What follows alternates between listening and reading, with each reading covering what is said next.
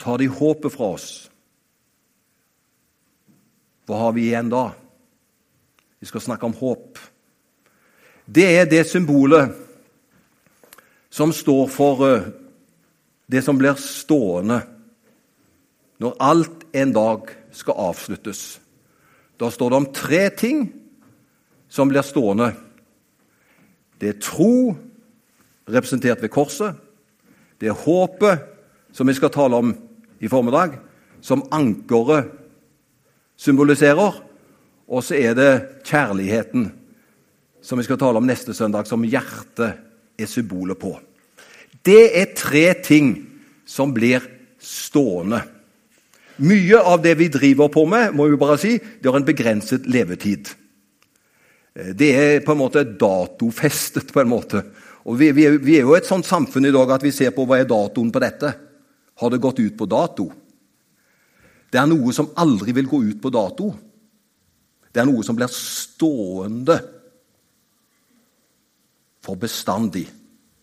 Og det er disse tre tingene, og eh, håpet skal jeg si litt om i dag. Håp, det er positiv forventning.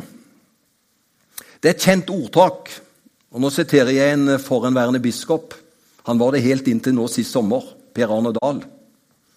Han har sagt det at eh, det finnes et veldig kjent ordtak som vi har brukt mange ganger. Så lenge det er liv, er det håp. Men han har snutt på det og sagt så lenge det er håp, er det liv. Tar de håpet bort, hva er da igjen? Og Derfor er det noe av det viktigste, noe av det jeg mest takker Gud for av alt. Det er når håpet er til stede. For så lenge det er håp, er det i sannhet liv. Håp er viktig. Uten håp faller livsgnisten bort. Og uten håp så blir vi motløse. Det står i ordspråket 18 om dette her med motløshet. Der står det at motet holder et menneske oppe i sykdom. Men mismot, hvem kan bære det? Og det er sant. Misser vi motet, da vil vi slite. Vi kan ha noen korte perioder hvor vi får oppleve at vi er grundig motløse. Men hvis motet blir fraværende i lengre tid, så slår det inn i kroppen, det slår inn i psyken, og mange mennesker de vil slite. Vi, vi, vi klarer masse, men ordspråket vet du, Bibelen er tidlig ute. Mismotet holder et menneske oppe i sykdom, men mismot, hvem kan bære det? Altså underforstått. Vi er egentlig ikke skrudd sammen til å bære det over tid. Motløshet og mismot. Og Derfor er det så viktig, og det sier vi til hverandre, vi må holde mot oppe, sier vi. For det er så viktig. Og det er det som har egentlig, det, det har egentlig med håp å gjøre. I mai nå dette året så fikk jeg en nedslående og sorgfull melding om en bror som plutselig ble forulykket i sitt eget hjem. Faktisk alt alvorlige ulykker kan også si hjemme. Jeg skulle på en eh, møteturné i Nord-Norge, og på vei til Sola Tidlig en morgen så fikk jeg en bekymringsfull telefon.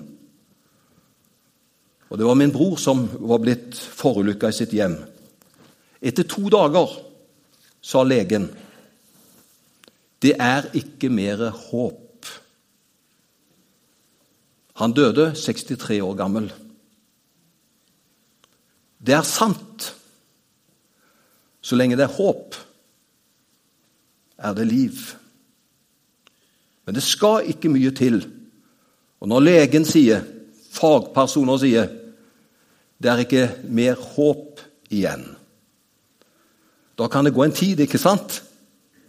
Men i dette tilfellet så var det snakk om timer. Han hadde klarert med at han ville donere bort viktige organer. Og de holdt han kunstig i live, så han fikk ta bort visse ting. Det var rørende i begravelsen en uke etterpå. Så var det en sykepleierske som jobbet på Rikshospitalet i Oslo, og da sa hun at eh, vi har hatt en, en lege med et legesykehus som har reist til Haukeland sykehus i Bergen og fått med en lever som er blitt operert inn på to dager før begravelsen. Og Da visste jeg det var min brors lever. Og han gav også sine nyrer.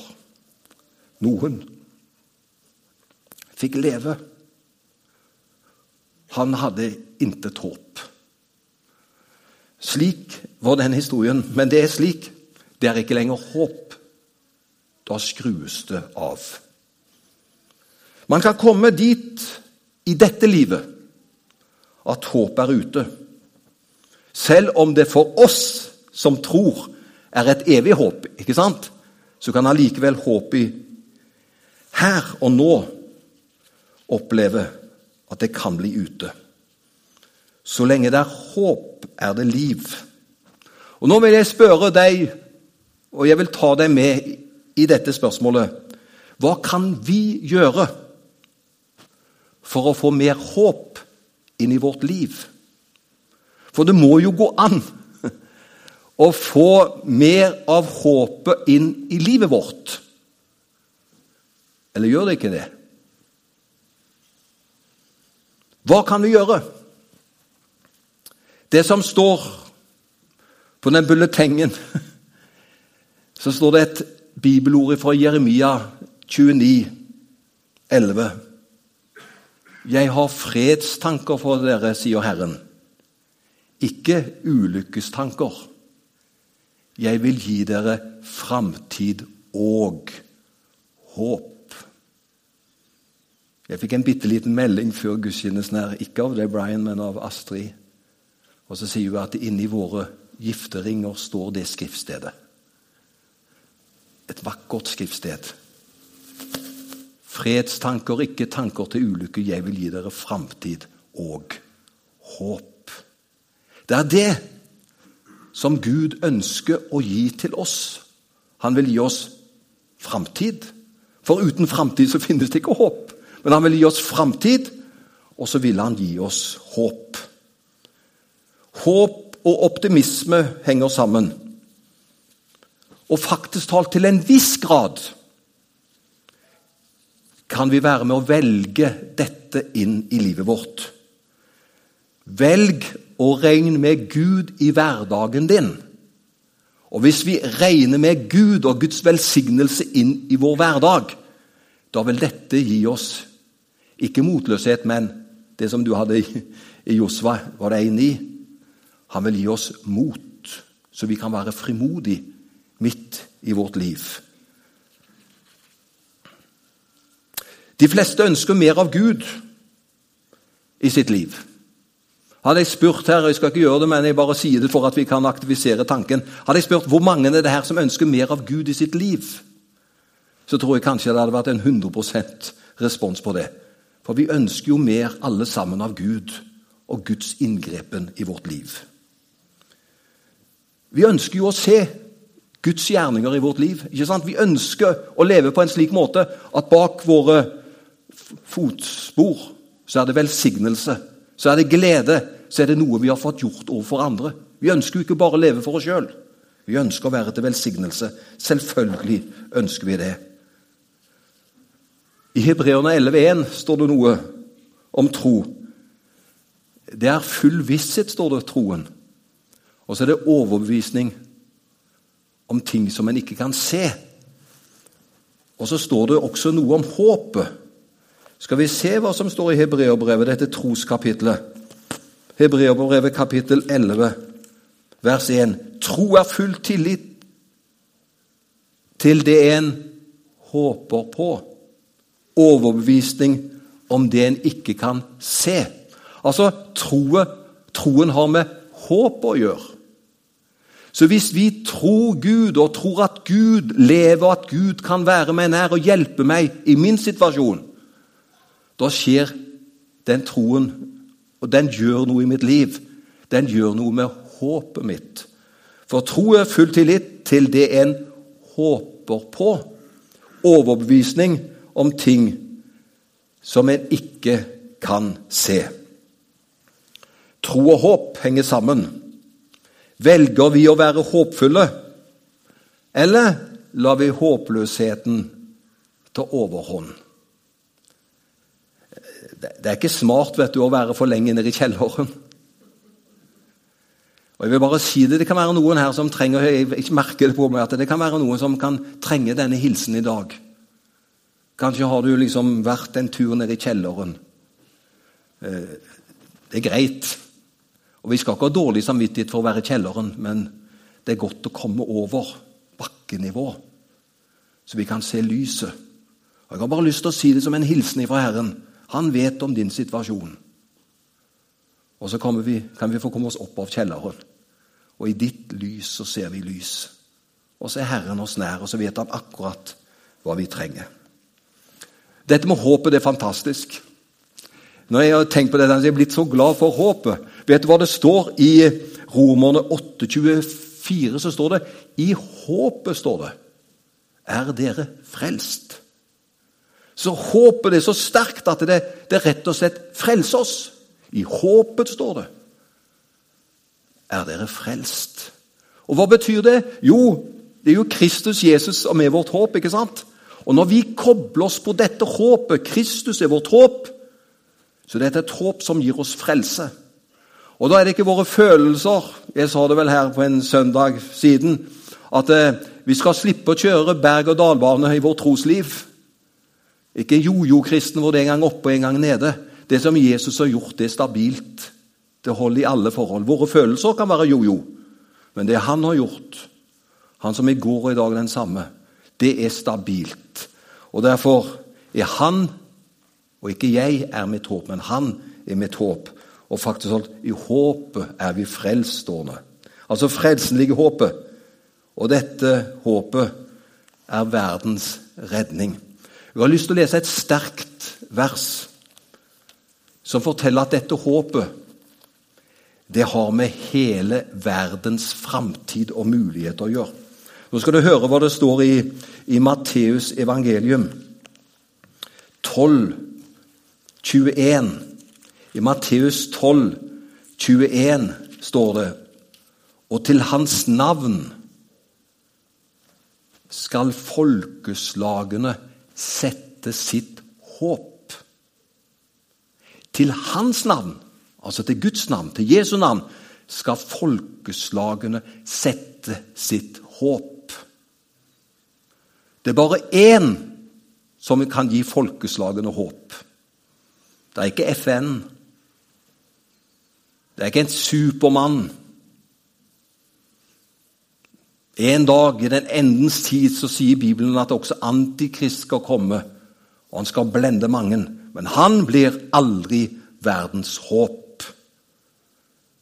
Det er bare én som folkeslagene kan sette sin lit til, og som kan være folkeslagenes håp.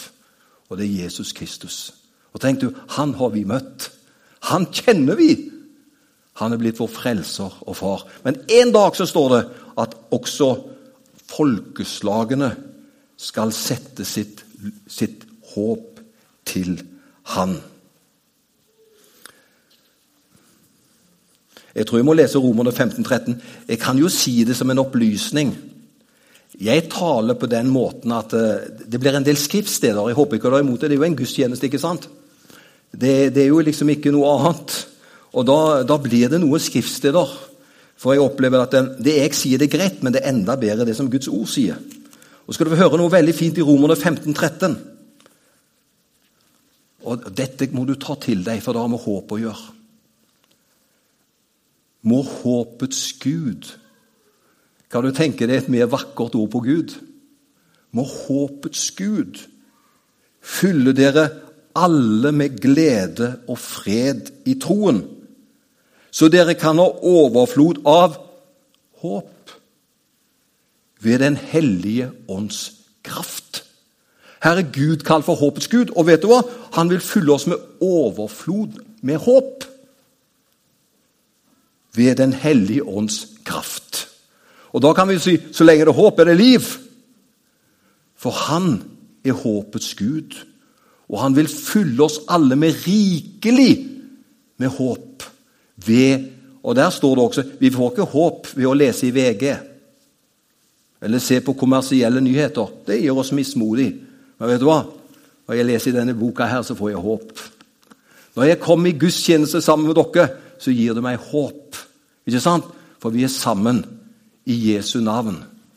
Og vi ber og tilber håpets Gud, som vil gi oss rikelig med håp i vår situasjon.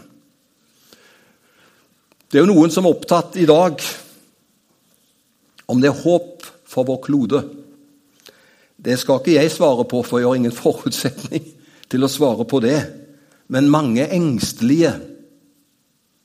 Og så må vi vel si at det er også mye skremselspropaganda. Men min oppfordring er, om det er sant eller ikke sant Vi lever jo i utfordrende tider. Det er vi sikkert enige om. Men min oppfordring er La ikke hjertet bli grepet av angst. Tro på Gud og tro på meg. Det er Jesus som sier det i Johannes 14. For du skjønner, Det går jo an noen ganger at jeg tenker på hvordan skal det gå. Og hvem har ikke gjort den tanken når vi ser på barna våre? De er små, ikke sant? Så tenker vi hvordan skal de få oppleve når de blir 30-40, for ikke å snakke om 60 år? Hvordan vil det være så langt inn i framtida? Og så kan vi bekymre oss. Og så sier Jesus Han sa det til disiplene. Det er like aktuelt for oss i dag. La ikke hjertet ditt bli grepet av angst og motløshet. Tro på Gud og tro på meg. Jeg må få fram et bilde til. Jeg syns det bildet der inspirerer meg. Det er jo ikke mye, det er jo ikke mye håp i omgivelsene der, ikke sant? Men den er en, det er jo et begrep som har fått løvetannsbarn. Ikke sant? Mot alle odds, mot alt som burde være til stede for at alt skulle gå godt, så er det fraværende i noen menneskers liv. Men så sier vi det er et løvetannsbarn. Det vokser opp gjennom asfalten og det umulige. Og så er det den vakre, flotte blomsten. For den har kontakt med noe nedenifra. Og Jeg har bare lyst til å si det. La oss fylle oss med håp. For Gud er håpets herre. Og så har han gitt oss et levende håp. Jeg har eh, vært pastor i så mange år at jeg vet ikke hvor mange begravelser jeg forrettet i. Det er masse. Og Et av de skriftstedene som jeg bestandig leser i en begravelse, det er første Tessaloniker, kapittel 4, vers 13. Eh, da sørger vi ikke, sier Paulus, som de som ikke har håp. Tenk hvor fortvilet det må være sørge og sørge. Også i tillegg så er ikke håpet til stede. Men så sier Paulus, når han trøster oss om og forteller om det som skal skje når Herren kommer igjen, så sier han det er noen som har sovnet inn. Dvs. Si de er døde. Men når vi tenker på de som har gått foran, så trenger iallfall ikke vi å sørge på den måten som mennesker uten håp sørger. Uansett så sørger man i slike situasjoner, men det er noe helt annet å sørge med håp. Og Det er det som er så vakkert, det er det som er så utrolig. Det er ikke avslutningen. Man skal ses igjen. Håpets Gud. Vi sørger ikke, sier Paulus, som de som ikke har håp. Derfor er det så viktig at vi eier dette håpet nå. Derfor må ingen gå ut av gudstjenesten en gang uten å være klar over og sikker på at 'jeg har dette levende håpet'. For har du dette håpet, og da lever du på best mulig måte her. Og så vet du du skal få møte Han som er håpets Gud en dag. Og da har vi det beste i vente. For håpet strekker seg langt utover denne tiden. Ja, Paulus sier i 1. Korinter 15 hvis vi bare satte ved vårt lit til det som vi håpet på i dette livet, da sier Paulus Da var vi de ynkeligste av alle mennesker hvis vårt håp bare sto til denne verdens tid. Men vet du hva? Vårt håp strekker seg langt utover denne tiden. Det er et håp for evigheten, fordi Han er det levende håpet. Da kan vi istemme, som det står i 1. Timoteus 1.1, Kristus, vårt håp. Med beina godt planta på jorda, og så kan vi ha hode og hjerte i himmelen, så kan vi være et lyspunkt av håp. Og hør vi kan være et lyspunkt av håp i familien, på jobb og i menigheten. Og Derfor har jeg bare lyst til å si la det være vår parole. Vi velger håpet. Vi velger Han som gir framtid og håp. Og du, nettopp du, skal være håpet i din familie. På ditt arbeidssted. Så når de andre på en måte har et underlag under sine føtter som, som skjelver, for de vet ikke om det ene eller andre, da kan du stå der i Guds sted, og så kan du formidle noe av det trygge fra himmelen, som Han vil komme og gi til oss alle sammen. Så blir de stående. Får vi det siste bildet opp igjen? Så blir de stående. Tro, håp og kjærlighet. Jeg vil avslutte med ankeret. Det er et maritimt bilde. Det er det som holder båten på plass. ikke sant? Når du har kasta anker, så, så, så, holder båten seg der hvor den skal være. Selvfølgelig innenfor bitte litt slingringsmonn, men ankeret holder båten på plass. Man har kasta anker. Og vet du hvor ditt og mitt anker er festa? Det er ikke festa i oss sjøl. Det er heller ikke festa i menigheten. Vet du hvor ankeret er festa? På andre siden i himmelen. Der har vi fått ankeret. Innenfor forhenget, står det. Og fordi ankeret er der, så en dag så drar på en måte Herren oss inn til der hvor ankeret er. Det som er tryggheten og sikkerheten for hele livet vårt det er en evighet sammen med Jesus. Godt håp, folkens. Og må Gud velsigne oss alle. Så lenge det er håp, er det i sannhet liv. Amen.